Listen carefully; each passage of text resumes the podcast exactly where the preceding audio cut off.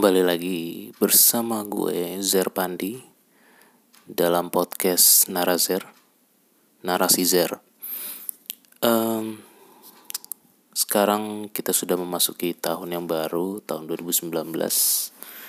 Uh, gue sekarang rekaman di Januari, awal Januari tahun 2019.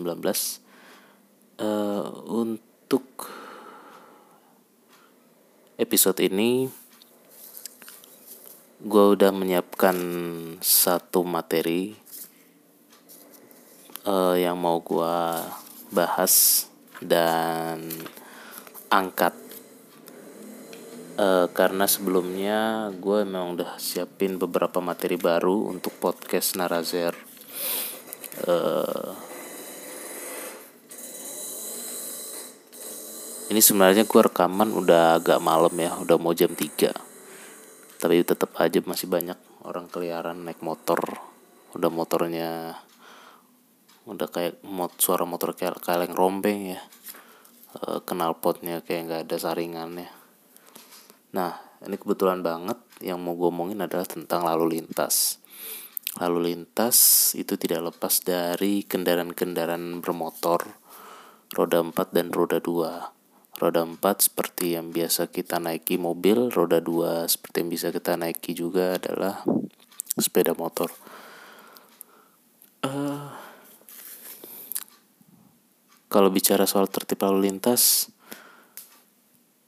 uh, lu sebagai warga negara Indonesia yang tinggal di Indonesia atau tinggal di kota-kota besar seperti Jakarta, Bandung, Surabaya, Semarang, Medan, Makassar, dan kota-kota besar di Indonesia lainnya pasti sangat-sangat akrab dengan sepeda motor, dengan kesemrautan jalanan, dengan uh, saling salip menyalip mobil dengan motor, eh mobil dengan mobil, motor ke mobil, motor dengan motor, dan mobil dengan truk dan lain-lain.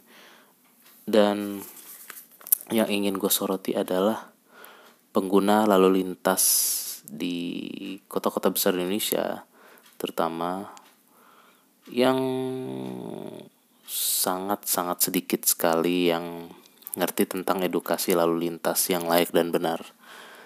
Di sini gue nggak mau banyak menyalahkan warga pengguna jalan, masyarakat umum, masyarakat sipil, tetapi di sini yang mau kalau kita mau cari kambing hitamnya ya ini sebenarnya uh, kurang kepedulian kekurang pedulian pemerintah aparatur negara dalam membentuk program-program edukasi lalu lintas yang proper.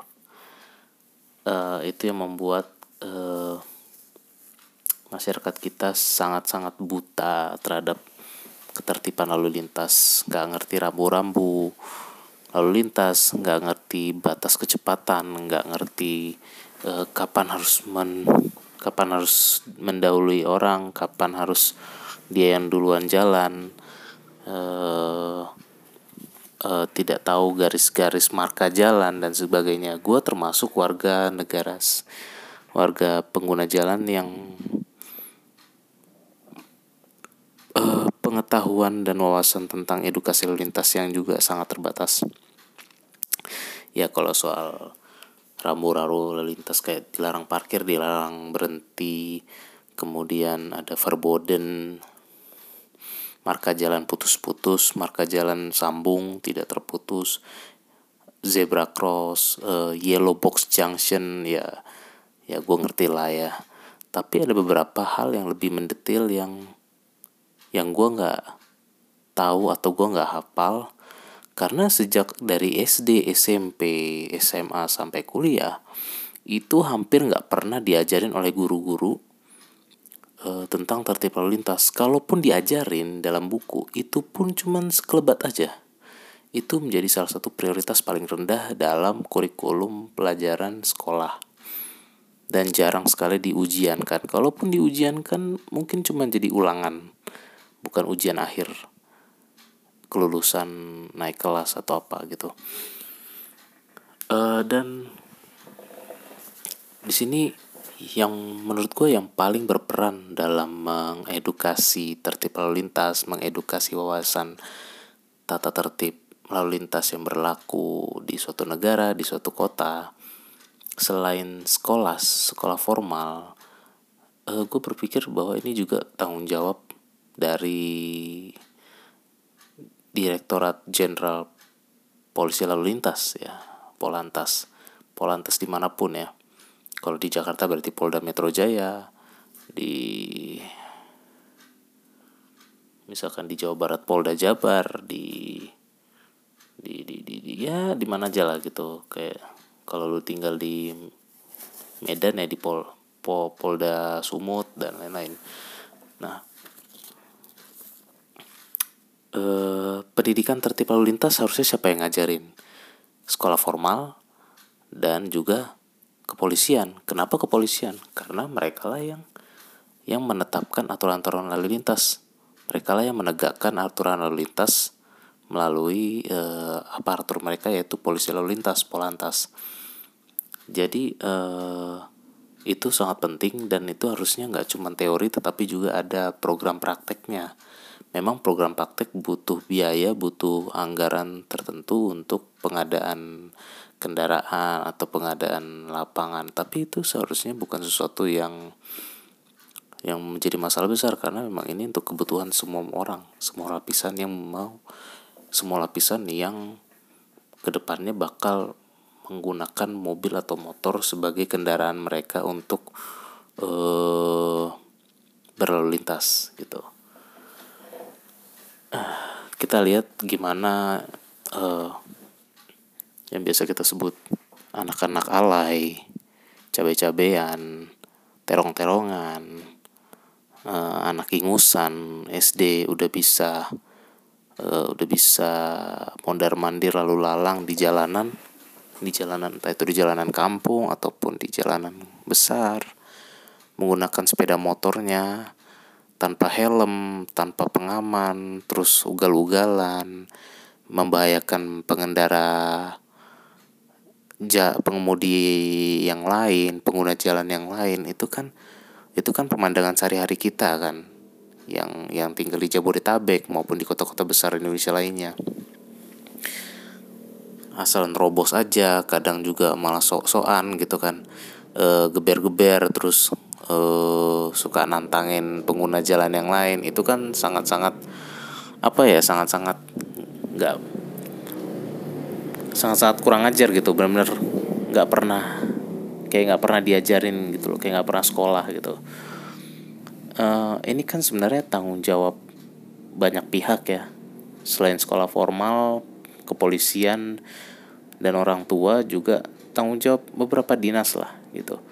Jadi jangan cuman jadi harusnya polantas polisi jangan cuman bisanya nilang-nilang dan nilang gitu. Tetapi ya mereka harusnya concern dengan pendidikan lalu lintas gitu. Ya kalau mereka nggak sanggup ngerjain sendiri kan bisa bekerja sama dengan sekolah-sekolah gitu. Banyak sekolah negeri. Dan di jenjang mana uh, masyarakat perlu diedukasi ya dari jenjang SD itu udah juga udah penting. Jadi mungkin di SD itu lebih teori SMP mungkin lebih teori. Misalkan di SD kalau gue boleh kasih saran kayak misalnya di SD yang ngajarin itu guru-guru sekolah formalnya guru-guru biasa. E, diajarin tertib lalu tertib lalu lintas jenis-jenis rambut etika berlalu lintas mendahului memberi jalan dan sebagainya. Mengutamakan pejalan kaki dan sebagainya e, kemudian dites e, ya kalau nilainya jelek nggak masalah gitu. Tapi ketika udah masuk SMP udah mulai serius pelajaran lalu lintas ini gitu. Udah menjadi suatu hal yang serius kalau nggak lulus harus ngulang misalkan gitu. Harus remedial. Kemudian uh, mungkin udah bisa mulai memasukkan beberapa petugas polantas atau petugas polisi uh, untuk mengajari mereka langsung di jenjang SMP. Nah kemudian di jenjang SMA uh, sekolah dan bekerja sama dengan Polantas sudah mulai menyediakan fasilitas-fasilitas tambahan, fasilitas-fasilitas khusus untuk uh, siswa-siswanya belajar secara praktek mereka misalkan dikasih uh, fasilitas atau mungkin murid-muridnya difasilitasi oleh orang tuanya sendiri kendaraan roda dua maupun kendaraan bermotor roda empat mereka pakai untuk keperluan belajar. Misalkan uh, di di areanya Polda lah gitu. Mereka latihan bawa mobil bawa motor uh, bagaimana berlalu lintas yang baik dan benar bagaimana menjalankan etika bagaimana memberi jalan kepada pejalan kaki bagaimana mendahulu uh, memberikan jalan terlebih dahulu kepada pengguna jalan yang lain di persimpangan dan sebagainya, memahami semua rambu-rambu lalu lintas yang berlaku, eh, baik itu misalnya di jalan raya, di jalan tol maupun di mana pun gitu kan. Nah kemudian ada uji, ujian prakteknya, kalau nggak lulus harus ngulang, kalau nggak lulus harus ngulang gitu. Udah di jenjang SMA tuh udah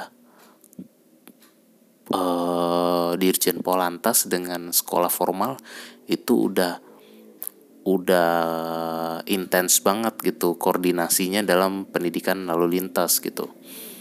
Nah, jadi karena kan SMA itu jenjang awal mereka udah boleh dapat SIM. Nah, sekalian aja sekalian aja kalau udah lulus, kalau mereka lulus teori dan praktek, ya udah sekalian aja otomatis mereka uh, dapat SIM. Tinggal bayar biaya administrasinya aja gitu kan. Jadi tinggal ngurus administrasi karena ujian praktek dan teorinya sudah diakui oleh Dirjen Polantas karena kan mereka Polantas itu sendiri yang mengajari anak-anak SMA itu uh, atau uh, guru-guru yang sudah dipercayakan sudah dapat lisensi oleh Polantas untuk memberikan pengajaran teori maupun praktek uh, berlalu lintas menggunakan mobil ataupun motor gitu. Atau bahkan sekalian kalau mau ada yang pengen langsung belajar pakai bus pakai truk uh, why not gitu gitu. Nah harusnya itu udah dijalankan gitu. Apalagi kan sekarang kan pemerintah kita kan banyak terobosan banyak progresnya.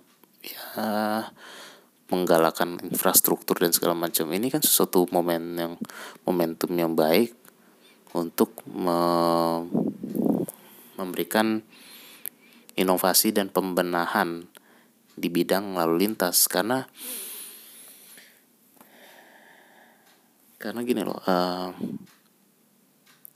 masyarakat yang berbudaya masyarakat yang beradab itu kan kita bisa lihat di suatu negara itu bisa kita lihat dari cara mereka berlalu lintas. Kita bisa lihat dari keadaan lalu lintas kotanya gitu.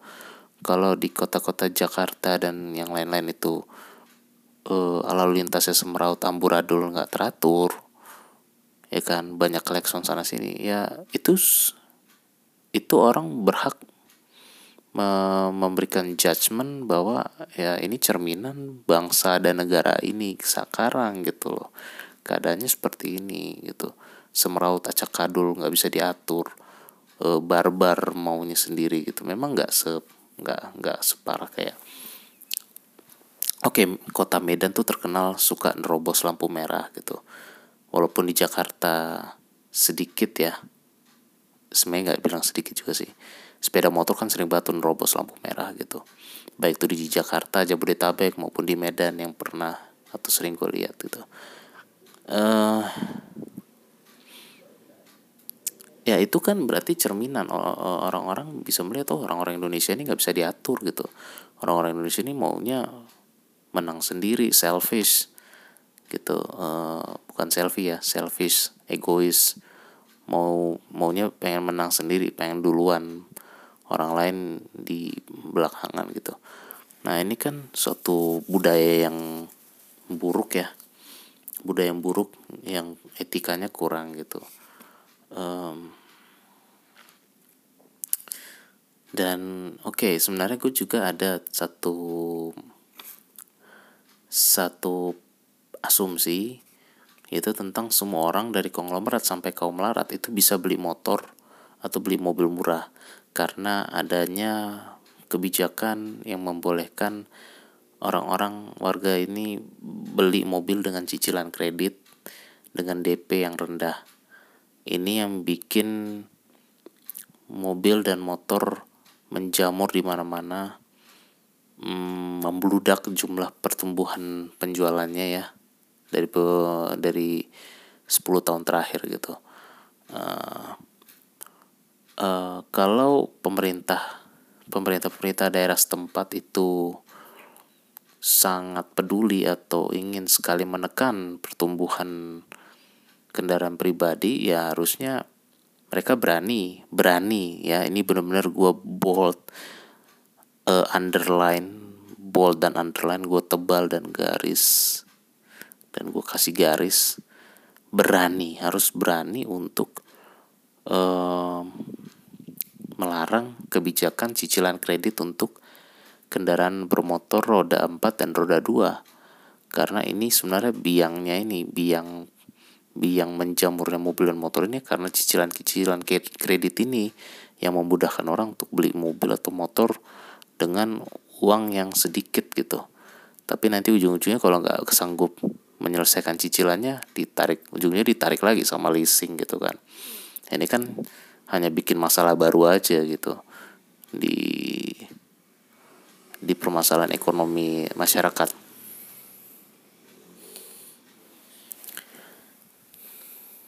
Nah oke okay, uh, eh, jadi itu ya yang kira-kira premis uh, solusi maupun saran yang yang mau gue berikan uh, untuk teman-teman pendengar podcast Narazer mengenai uh, tata tertib lalu lintas, edukasi lalu lintas dan fenomena yang yang terjadi keadaan keadaan kita sekarang seperti apa lalu lintas kota-kota besar Indonesia yang sangat sangat sangat memprihatinkan ini. Uh, gua akan lanjut di segmen kedua. Uh, stay tune di podcast gua.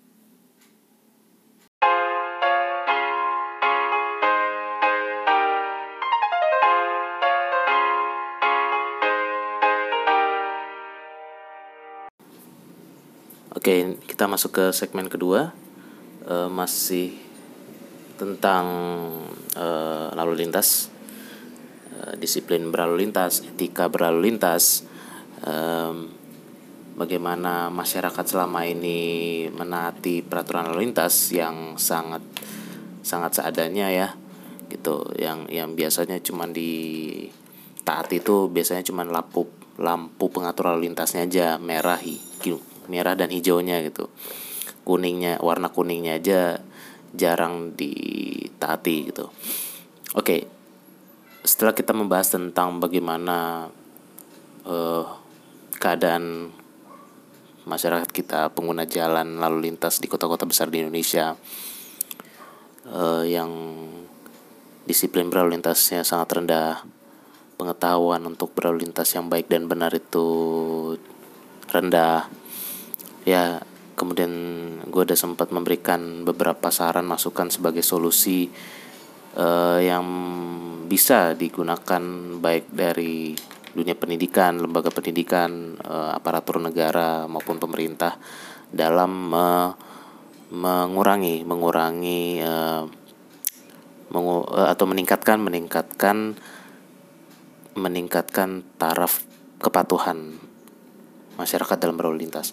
Karena selain memberikan keamanan dan kenyamanan bagi semua pengguna jalan, kita juga pasti sadar lah lalu lintas ini kalau disiplin semuanya orangnya, etikanya ada dalam berlalu lintas, mau memberikan jalan kepada orang lain, mau menyeberangkan orang, eh, tidak bawa mobil ugal-ugalan, tidak bawa motor ugal-ugalan, kecepatan ada dalam batas yang wajar. Selain memberikan keamanan safety, security, uh, security mungkin ya, safety, safety dan convenience ya, keamanan dan kenyamanan. Itu juga secara tidak langsung memberikan dampak yang cukup positif untuk mengurangi kepadatan lalu lintas ya. Karena kalau kita gini aja gue kasih contoh. Gue kasih contoh di satu jalan raya yang sebenarnya nggak terlalu lebar. Dia cuma ada dua lane ya dua lajur. Dua lajur dan dua jalur. Dua lajur dengan dua arah yang berbeda. Uh, satu lajurnya lebarnya mungkin cuma sampai I don't know maybe about two and a half meters gitu. Dua setengah meter berarti dua setengah dua setengah berarti total lebar jalan dalam satu jalan raya itu cuma 5 meter yang udah di aspal pinggir-pinggirnya itu misalkan pasir dan tanah e, mungkin motor bisa lewat mobil bisa lewat ya kan? Biasanya dipakai sama pejalan kaki untuk jalan. Dan kemudian ketika ada antrian panjang di satu arah misalkan arah berangkat orang ngantor gitu eh, sepeda motor pasti akan melewati semua mereka berusaha melewati semua mobil yang ada di depan mereka sampai mereka menemukan celah celah yang baik untuk mereka masuk untuk supaya dia di terdepan antrian di depan gitu. Dan yang melakukan ini kan gak cuma satu dua sampai tiga sepeda motor doang tapi semua motor akan ngikutin gitu. Dan ketika itu semua dilakukan oleh sepeda motor untuk melewati semua mobil yang ada depan dia otomatis apa?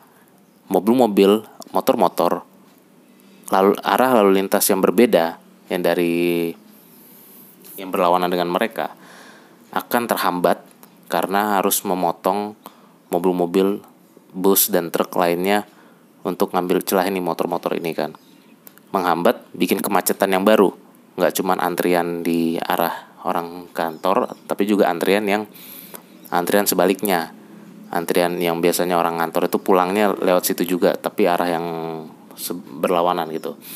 Nah ini kan menimbulkan dua titik kemacetan yang tadi cuma satu titik kemacetan bikin dua. Selain bikin nambah satu titik kemacetan baru di jalan raya yang sama, itu juga menimbulkan kesemrautan. Kesemrautan udah kayak benang kusut pasti. Semua lalu lintas di kota Jakarta, Jabodetabek yang gua dan lu alamin selalu mengalami kesemrautan dan itu udah nggak mengenal jam lagi nggak mengenal rush hour lagi hampir setiap jam terjadi mau lu tinggal di Bekasi kayak mau lu tinggal di Tangerang, Tangsel, Jakarta Selatan, Jakarta Timur, Jakarta Barat, Jakarta Utara, Bogor, Depok gitu. Dan ini biasanya kalau nggak ada aparatur, eh bukan aparatur ya, apa sih namanya? Ya pokoknya itulah polisi, polantas ataupun petugas dinas perhubungan, petugas disub pasti itu nggak akan yang semeraut itu nggak akan beres gitu. Harus ada petugas gitu. Sementara kan tujuan dan goal kita disiplin berlalu lintas itu kan supaya tanpa petugas pun lalu lintas tetap lancar teratur dan tertib kan gitu.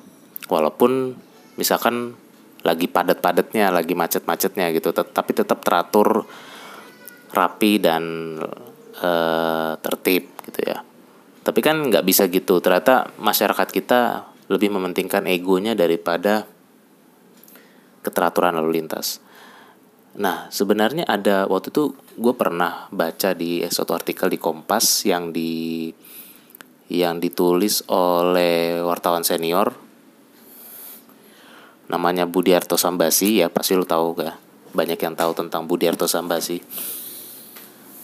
Uh, beliau ini uh, waktu itu bikin artikel tentang lalu lintas. Ini yang juga cukup menginspirasi gue tentang lalu lintas dan kemacetan di jalan-jalan di ibu kota ataupun kota-kota besar. Dia mengatakan uh, yang ingin dia gerakkan itu kampanye pemutihan SIM. Apa itu pemutihan SIM? Yaitu semua pengguna jalan, baik itu pengendara mobil, pengendara motor, pengendara truk, pengendara bus, itu harus dilakukan pemutihan SIM. Pemutihan SIM artinya harus diajarin lagi gitu, harus disekolahin lagi tanda kutip disekolahin lagi tentang bagaimana berlalu lintas yang baik dan benar. Bagaimana uh, mereka uh, memperbaiki wawasan dan pengetahuan mereka tentang uh, rambu-rambu lalu lintas, tata aturan berlalu lintas, etika berlalu lintas dan sejenisnya uh, dia mengatakan bahwa apabila dilakukan pemutihan SIM, apabila digalakkan disiplin dan etika berlalu lintas melalui lembaga-lembaga berbagai lembaga, um, ini akan memberikan dampak positif terhadap pengurangan tingkat kemacetan, penurunan kepadatan kepadatan lalu lintas di jalanan kota di jalanan kota-kota besar, di jalanan di jalan-jalan raya, jalan tol dan lain-lain. Nah, eh, walaupun ini belum ada pembuktian secara ilmiahnya, maksudnya belum ada pembuktian di secara eksperimen, tapi eh, gue rasa ini layak, sangat layak untuk dicoba gitu kan. Itu kenapa pada di segmen sebelumnya gue bilang eh, perlu nih kepolisian bekerja sama dengan sekolah formal untuk menggalakkan disiplin dan etika berlalu lintas kepada murid-murid sekolah karena kan nanti ini generasi-generasi ini yang bakal 10 tahun lagi bakal sering hampir tiap hari mengaspal di jalanan kota-kota gitu kan. Apalagi jangan kan gitu anak SD SMP aja udah banyak yang naik motor di kampung mereka mondar mandir nggak jelas gitu kan. E, naik motor nggak pakai helm. Nah, itu kan itu udah sebuah sebuah cerminan kegagalan sekolah sekolah-sekolah formal dalam mendidik anak-anaknya berlalu lintas yang baik dan benar gitu kan. Jadi kita nggak bisa lagi mengandalkan teori tetapi harus ada prakteknya juga praktek hariannya juga. Ini harus harus jadi kurikulum yang penting. Pendidikan berlalu lintas ini harus jadi kurikulum yang penting di sekolah-sekolah formal bekerja sama secara intens dengan uh, kepolisian polantas. Apa gue gue ralat ya yang di segmen sebelumnya gue bilang Dirjen Polantas ya e, harusnya Dirlantas ya Direktorat Lalu Lintas. Nah jadi gitu e, jadi gue rasa lo ngerti ya poin yang gue maksud gitu. Teman-teman ngerti apa yang gue maksud. Um, kita nggak bisa lagi meremehkan disiplin berlalu lintas. Oke ini yang ini yang ini gagasan premis yang gue bawa ke kalian semua. Lalu gue ada kasih solusi tapi kan solusi ini bukan gue yang kerjain gitu kan. Terus apa dong yang bisa gue lakukan at least selain menarasikan ini ke dalam episode gue uh, yang bisa gue lakukan berikutnya adalah menghimbau menghimbau mengajak lu semua yang dengerin podcast di episode ini untuk ayolah kita sama-sama mulai melatih diri memperbaiki diri dalam berlalu lintas. Gue pribadi pun punya banyak kekurangan. Kalau jalanan agak kosong dan sepi gue cenderung memacu kendaraan gue sangat cepat. Itu pun kebiasaan yang harus diperbaiki. Kebiasaan yang agak buruk harus diperbaiki. Gue harus tetap e, melajukan kendaraan gue dengan kecepatan yang pada batasnya gitu walaupun gak ada rambu-rambu misalkan 60 km atau rambu-rambu 40 km gue tetap harus bisa di bawah 60 km jalannya gitu kan. Kita cobalah untuk belajar untuk bersabar di lalu lintas. Tidak uh, tidak mau menang sendiri karena bukan cuman kita doang yang pengen cepet-cepet nyampe kantor cepet-cepet nyampe rumah temen atau cepet-cepet nyampe tempat tujuan kita lah mau ke mall atau ke mana. Semua orang juga pengen cepet-cepet gitu kan. Sedikit yang di jalanan yang ngalur-ngalur waktu. Kalau yang di jalanan ngalur-ngalur waktu kelihatan dia pasti akan di lajur kiri. Nah ini juga nih soal lajur kiri dan lajur kanan. Kalau lu pengen lambat mau lu naik motor apa naik mobil tolonglah melaju lajukan kendaraan lu tuh di lajur kiri. Kalau ada lajur kiri kalau jalan di dua jalur itu eh dia dalam satu ja, dalam satu arah jalan itu ada dua lajur ya lu di lajur yang paling kiri yang yang dua lah gitu. Jangan di kanan. Ini ini ini salah kaprah orang-orang gitu. Lu lelet motor mobil lelet karena nggak mau kena karena nggak mau ngerem di kiri karena kan kiri kan sering banyak yang mobil parkir mobil mobil melipir motor melipir gerobak eh, apa pun itu kan suka melipir yang makan jalan lajur kiri kan gitu. Jadi mereka nggak mau ngerem tapi mereka pengen lambat ya udah di lajur kanan menghambat orang-orang yang pengen cepat. Karena kan lajur kanan itu kan sebenarnya fungsinya untuk mendahului gitu untuk mendahului. Kalau ada dua lajur berarti kan lajur kanan untuk untuk mobil kendaraan cepat dan kendaraan mendahului. Kalau tiga kalau ada tiga lajur berarti kiri itu lambat tengah itu cepat dan yang paling kanan adalah untuk mendahului. Seperti ya walaupun itu bukan jalan tol tapi harusnya mekanismenya sama dengan seperti jalan tol gitu kan supaya tertib gitu. Nah ini teman-teman juga harus sadar kalau lu pengen melambat jangan di kanan gitu loh. Akan mengganggu orang di belakang lu yang pengen cepat gitu. Uh, ya udah konsekuensi kalau lu pengen lambat tapi nggak mau kehambat sama sama mobil-mobil motor atau gerobak yang ming yang melipir di di pinggir jalan yang makan jalan itu konsekuensi lo harus rem. Gitu loh lo harus rem lo harus rem terus ngelihat sebelah kanan lo cukup nggak space-nya untuk untuk uh, slide sedikit gitu kan untuk untuk geser sedikit. Kalau cukup geser lah gitu. Tapi kalau nggak cukup ya berhenti dulu ambil kesempatan kasih sign kanan gitu kan kasih lampu sign kanan untuk um, melang uh, untuk melewati yang berhenti berhenti di jalan ini gitu kan. Jadi ya itu konsekuensi kalau lu mau lambat ya lu harus banyak rem di kiri karena banyak yang keluar masuk dan menepi itu gitu loh jangan mau enak sendiri gitu loh. Kita tuh berlalu lintas tuh nggak boleh mau enaknya sendiri mau menang sendiri dan lain-lain. Eh, uh, yang ada kita hanya akan bikin orang kesel pengguna jalan lain kesel hanya bikin uh, bikin rugi orang banyak dan lain-lain. Kita juga harus banyak ngalah lah kalau ada yang mau menyeberang atau apa. Karena memang kalau itu memang ada fasilitas untuk menyeberang ada fasilitas untuk menyeberang ada zebra cross ada jem kalau jembatan gak lah ya. Maksudnya kalau di situ nggak ada jembatan penyeberangan nggak ada underpass penyeberangan harus lewat jalan yang sama di di tempat lapisan yang sama ya sudah kasih lah gitu. Eh uh, itu yang bisa gue sedikitnya gue bisa lakukan untuk kita mengimbau lah mengimbau kita untuk mengurangi ego dan ego dan selfishness kita dalam berlalu lintas. Ya kalau pengen kalau pengen nyampe suatu tempat, nyampe tempat tujuan kita tepat waktu ya lu harus siapin waktu lebih untuk berangkatnya gitu loh. Itu kan konsekuensi kalau kita tinggal di kota besar yang setiap jamnya selalu macet di jalanan yang tidak terprediksi walaupun lu pakai Google Map. Karena kan nggak nggak setiap nggak setiap waktu lu pakai Google Map. Gue pribadi aja udah jarang pakai Google Map untuk ngecek traffic.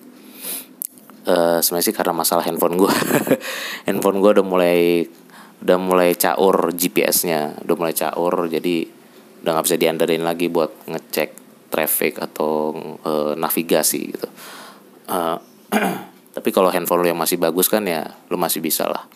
E, masih cepat lah handphone lo untuk menavigasi ngecek density traffic dan lain-lain. E, lalu kemudian apa lagi ya? E, ya sebenarnya itu sih. Jadi disiplin yang mau gue sampaikan adalah yang yang menjadi pokok yang menjadi pokok pikirannya adalah dengan kita menggalakkan disiplin dan etika berlalu lintas pertama ini untuk ke generasi muda karena orang tua udah nggak bisa di sekolahin lagi ya udah sangat sulit. Pertama generasi kita menjadi generasi yang lebih lebih disiplin generasi yang lebih beretika di lalu lintas.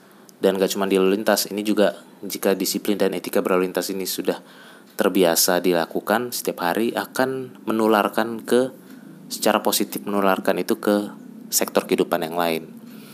Sektor kehidupan yang lain di dalam gedung di dalam sekolah di dalam tempat ibadat eh, di mana-mana lah gitu. Kedua ini dapat mengurangi kepadatan lalu lintas. Karena kepadatan lalu lintas itu bisa dikurangi kemacetan bisa diurai nggak cuma lewat transportasi umum nggak cuma lewat infrastruktur transportasi massal tapi juga bisa lewat masyarakat pengguna jalan yang disiplin dan etika berlalu lintasnya sangat baik. Itu bisa mengurangi kesemerautan dan kemacetan lalu lintas. Uh, secara secara lapangan belum bisa dibuktikan tetapi layak untuk dicoba. Dan gue yakin lu semua percaya itu bisa itu bisa memberikan uh, efek uh, akan memberikan efek yang yang positif terhadap kesemerautan dan kemacetan lalu lintas. Kemudian uh, ini berkaitan juga dengan lalu lintas. Uh, ini sih ranahnya lebih ke pemerintah lagi lagi-lagi ke pemerintah lagi uh, dalam hal budaya naik sepeda. Gue berpikir gini, uh, orang ini jadi agak nyerempet dikit ke politik ya. Presiden kita Pak Joko Widodo itu kan setiap kali dia keliling-keliling daerah itu kan sering ngasih-ngasih pertanyaan, ngasih kuis ke anak SD, ke masyarakat, ke siapa pun itu, tua, muda, eh, sekolah nggak sekolah, istilah gitu kan, dia kasih pertanyaan tentang wawasan kebangsaan lah gitu, entah, entah itu Pancasila, entah itu jenis-jenis lagu-lagu daerah atau apa gitu jenis-jenis ikan ya kan yang sempat viral juga. Dan hadiahnya yang dia kasih adalah sepeda. Orang sering mengkritisi gitu kan ngata-ngatain gitu kayak ah apaan sih Jokowi? Presiden sepeda? Atau misalkan dibilang uh, uh, ya pokoknya ngina-ngina lah gitu menjelek-jelekan hadiah yang diberikan presiden kepada masyarakat yaitu sepeda. Tapi kalau gua kalau kita konteksnya ini kita bicara kontekstual episode kita tentang lalu lintas, lu pasti akan sadar sekali bahwa apa yang apa pesan yang disampaikan oleh presiden kita dengan memberikan hadiah sepeda gitu kan. Lu tahu kan apa maksudnya? Nah, iya, betul. Sepeda itu adalah salah satu moda transportasi ramah lingkungan, kemudian juga uh, apa lagi ramah lingkungan uh, uh, juga uh, minim minim minim apa ya minim potensi untuk memberikan kesemrautan dan kemacetan lalu lintas gitu kan. Dan sehat gitu sehat sehat untuk siapa saja yang menggunakan gitu. Nah pres Pak Jokowi ngasih kita sepeda itu untuk mengajak kita budaya bersepeda gitu loh. Budaya kita untuk mengandalkan sepeda sebagai transportasi kita gitu. Jangan mentang-mentang lu bisa beli motor lu pakai motor tiap hari kayak di di daerah gua gitu kan. Lu cuman keliling-keliling ke warung aja pakai sepeda motor gitu kan. Cuman 5 meter aja pakai jalan 5 meter aja pakai sepeda motor, apa-apa pakai motor, pakai motor, pakai motor. Knalpot lu lu kata knalpot keluarnya ini e, bubble gum enggak kan? Keluarnya asap gitu loh asap yang menghasilkan karbon dioksida karbon monoksida. Itu kan sangat e, e, berdampak buruk untuk kesehatan manusia gitu loh. Nggak cuma lingkungan tapi ke kita juga untuk pernafasan kita segala macam. Kita nggak sadar kita jarang untuk memikirkan hal-hal yang sepele seperti itu gitu loh. E, jadi memang kalau ngasih sepeda ke ya dari 220 juta jiwa ya Pak Jokowi cuma ngasih berapa sih? Gak nyampe satu persennya lah ngasih sepeda ke masyarakat. Tapi ya setidaknya itu kalau di, diviralkan di media sosial itu kan di media sosial dan media media mainstream itu kan memberikan semacam menularkan lah tanda kutip menularkan uh, virus positif ke masyarakat bahwa wah kayaknya emang harusnya kita kalau jalan-jalan deket menengah itu ya udah naik sepeda aja gitu loh. Kalau mau sendiri ya naik sepeda aja. Kalau mau kerja bisa naik sepeda gitu kan. Kenapa harus apa apa mengandalin mobil pribadi motor pribadi gitu kan? Kenapa nggak naik sepeda? Terus kalau lu mau naik kereta lu bisa pakai sepeda lipat gitu kan. Lo kereta bisa masuk sepeda lipat gitu. Sepeda lipat boleh diperbolehkan masuk ke dalam stasiun dan masuk ke dalam kereta gitu Uh, contohnya di komuter lain Jabodetabek. Kalau MRT Jakarta gue nggak tahu nanti bisa nggak masuk sepeda lipat. Harusnya sih bisa ya. Nah gitu jadi uh, budaya sepeda ini kan sudah sudah sangat kental dan sangat mengakar di masyarakat kota Amsterdam Belanda. Itu yang membuat kota itu jadi uh, jarang macet gitu kan jarang macet jarang semeraut gitu di Jepang pun juga banyak orang naik sepeda. Jarang ada yang punya mobil motor. Uh, pebisnis-pebisnis eksekutif-eksekutif muda pun di Tokyo kan kalau lu sering perhatiin di video-video YouTube, Vimeo dan lain-lain itu kan mereka lebih sering jalan kaki naik naik uh, naik kereta rel listrik itu kan naik train naik BRT bus rapid transit gitu kan. Uh, mereka jarang mengandalkan mobil gitu. Yang pakai mobil biasanya pejabat-pejabat gitu. Kan uh, ayolah kita coba me menyederhanakan gaya hidup kita lah.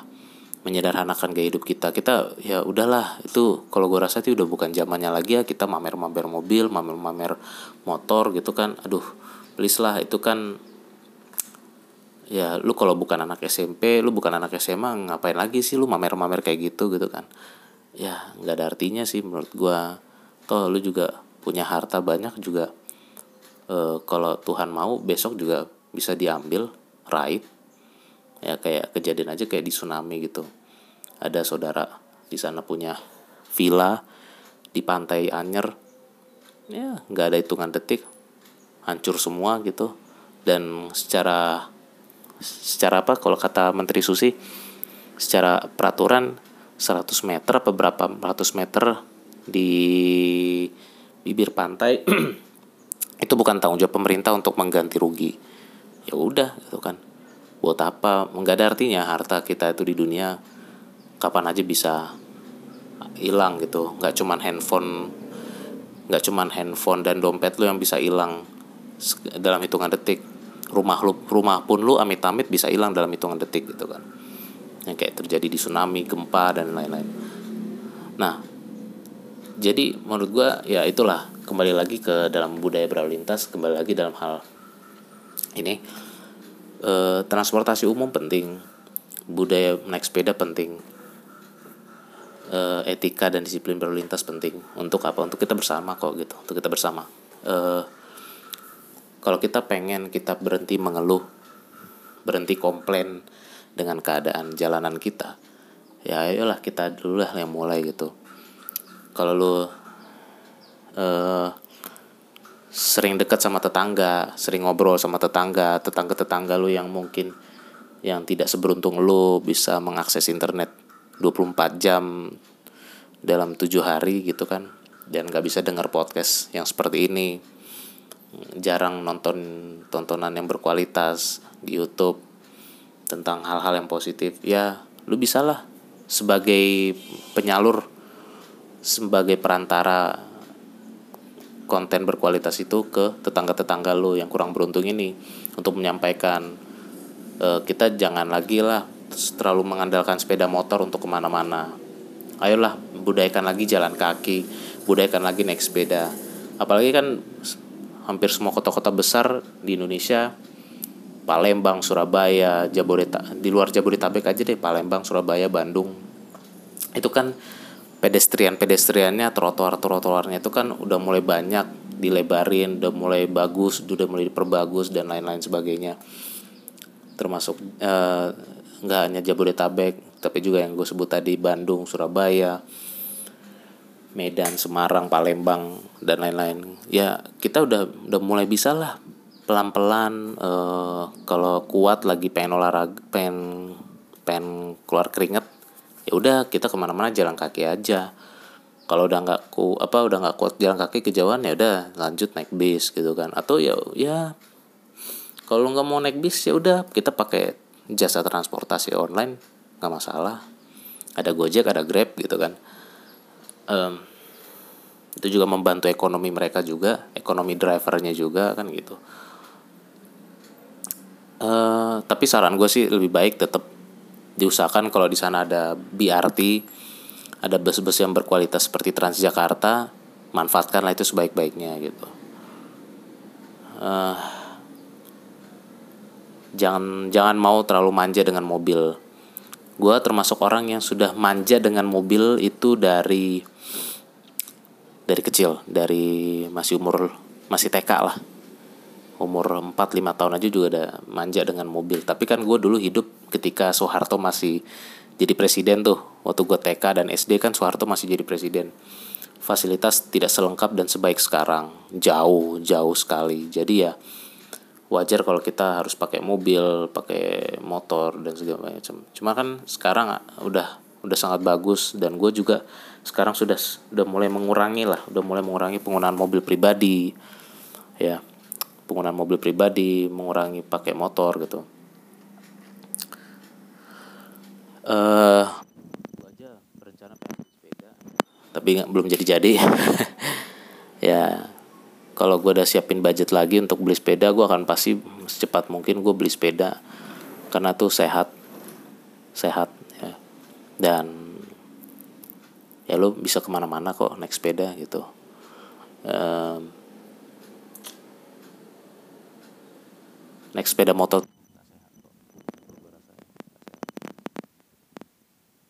gue pun kalau dari kalau gue pengen naik bus Transjakarta gue lebih banyak ngandelin naik gojek gitu. kalaupun gue harus naik mobil pribadi gue pasti parkir parkirin di uh, parkirin di tempat-tempat yang disediakan oleh Transjakarta untuk parkir. Nah, jadi uh, ya memang gua gua bisa maklumi kalau nggak pakai ini aja angkot. Memang angkot ini memang kurang profesional sih gitu. Angkot-angkot di di kota-kota besar itu memang kadang kurang profesional. Eh, sewanya kosong kita diturunin. Sewanya sepi kita diturunin dia muter balik. Balik lagi ke terminal balik lagi mana. Kan itu nggak nggak profesional ya.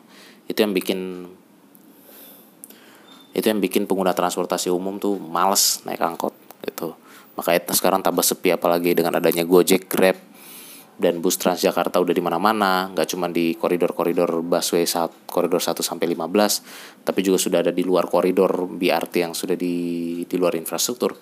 Kayak Metro Trans, Mini Trans, eh, Trans Jabodetabek dan lain-lain dan lain-lain. Ini kan makin makin menyulitkan angkot-angkot konvensional ini untuk punya banyak penumpang gitu. Jadi ya makanya itu penting sih uh, kayak misalkan nih kalau gue boleh kasih saran kayak ke ke presiden kita Pak Jokowi ya udah kalau memang anda peduli dengan budaya naik sepeda ya udah jangan cuman kasih hadiah aja tapi juga kasihlah insentif kasih insentif ke pedagang-pedagang sepeda e, di seluruh Indonesia. Kasih diskon ke masyarakat Indonesia untuk beli sepeda yang bagus sepeda yang baik. Ya udah kalau uh, kalau sepeda impor nggak mau dikasih diskon ya udah kasih diskon lah ke sepeda-sepeda lokal biar orang tuh makin mau no, uh, beli sepeda gitu loh untuk kebutuhan hariannya gitu uh, digalakkan dipromosikan diiklankan gitu kan. Gue yakin efektif gue yakin efektif. Apalagi kan pemerintah punya anggaran yang cukup untuk melakukan itu gitu. Jadi semakin semakin uh, apa ya istilahnya? Semakin nyata lah gitu uh, apa yang dikampanyekan oleh Pak Jokowi dengan memberikan hadiah sepeda ke masyarakat. Setiap kali masyarakat berhasil menjawab pertanyaan dari presiden kita gitu. Jadi lalu lintas adalah kebutuhan kita kebutuhan pokok kita kehidupan pokok kita. Jangan jangan disepelekan jangan diremehkan. Karena sebagian besar waktu kita banyak kita habiskan di lalu lintas terutama masyarakat kota. Uh, jadi uh, berikanlah berikanlah uh, perilaku dan budaya yang positif di jalanan di jalan raya di lalu lintas baik lo itu sebagai pengguna kendaraan roda 4, pengguna kendaraan roda 2, pengguna sepeda maupun pejalan kaki. Gitu. Budayakanlah berlalu lintas yang baik dan benar. Dan uh, itu aja. Gua harap suatu saat nanti Dirlantas pol, uh, pol dirjen melalui lintas pol, melalui dari kepolisian kepolisian maupun sekolah-sekolah formal bisa mendengarkan ini mendengarkan masukan ini masukan yang baik ini dan mau memfollow up ini karena ini sangat penting sekali teman-teman ini penting sekali untuk untuk untuk kebutuhan kita bersama untuk kehidupan kita bersama. Mau sampai kapan kita stres di jalanan ya kan? Mau sampai kapan kita stres di jalanan? Capek capek-capek banget di jalanan karena karena kita ya sendiri yang nggak disiplin berlalu lintas karena kita sendiri yang nggak punya etika dalam berlalu lintas. E, setidaknya kalau kita disiplin dan beretika di lalu lintas setidaknya kesemrawutan itu akan akan memudar macet itu akan teratur. Dan semakin lama yang tadinya macet jadi kurang jadi dah berkurang macetnya gue yakin itu. Oke jadi itu uh, mungkin akan ada lagi uh, episode tentang lalu lintas atau yang berkaitan dengan itu seperti transportasi publik transportasi umum uh, bagaimana gue juga bisa membahas lagi nanti gue bisa membahas lagi tentang uh, transportasi publik seperti MRT, BRT, uh, LRT, monorail dan lain-lain untuk bagaimana manfaatnya untuk kita masyarakat, bagaimana manfaatnya untuk kehidupan kota yang sehat itu ya. Sebelumnya gue udah pernah bahas ini di podcast gue yang lain di SoundCloud gitu. Uh, jadi gue akan mungkin akan remaster lagi gue akan ulang lagi di episode yang berbeda di uh, di Anchor dan Spotify ini di Narazir Podcast. Sekian dari gua untuk episode kali ini. Uh, gue mau ucapin salam apa ya? Gue udah bosan pakai kata ciao bella. hmm. Ini aja deh. Gue Zerpandi, host Narazer Sampai ketemu di episode berikutnya dan salam lampu merah.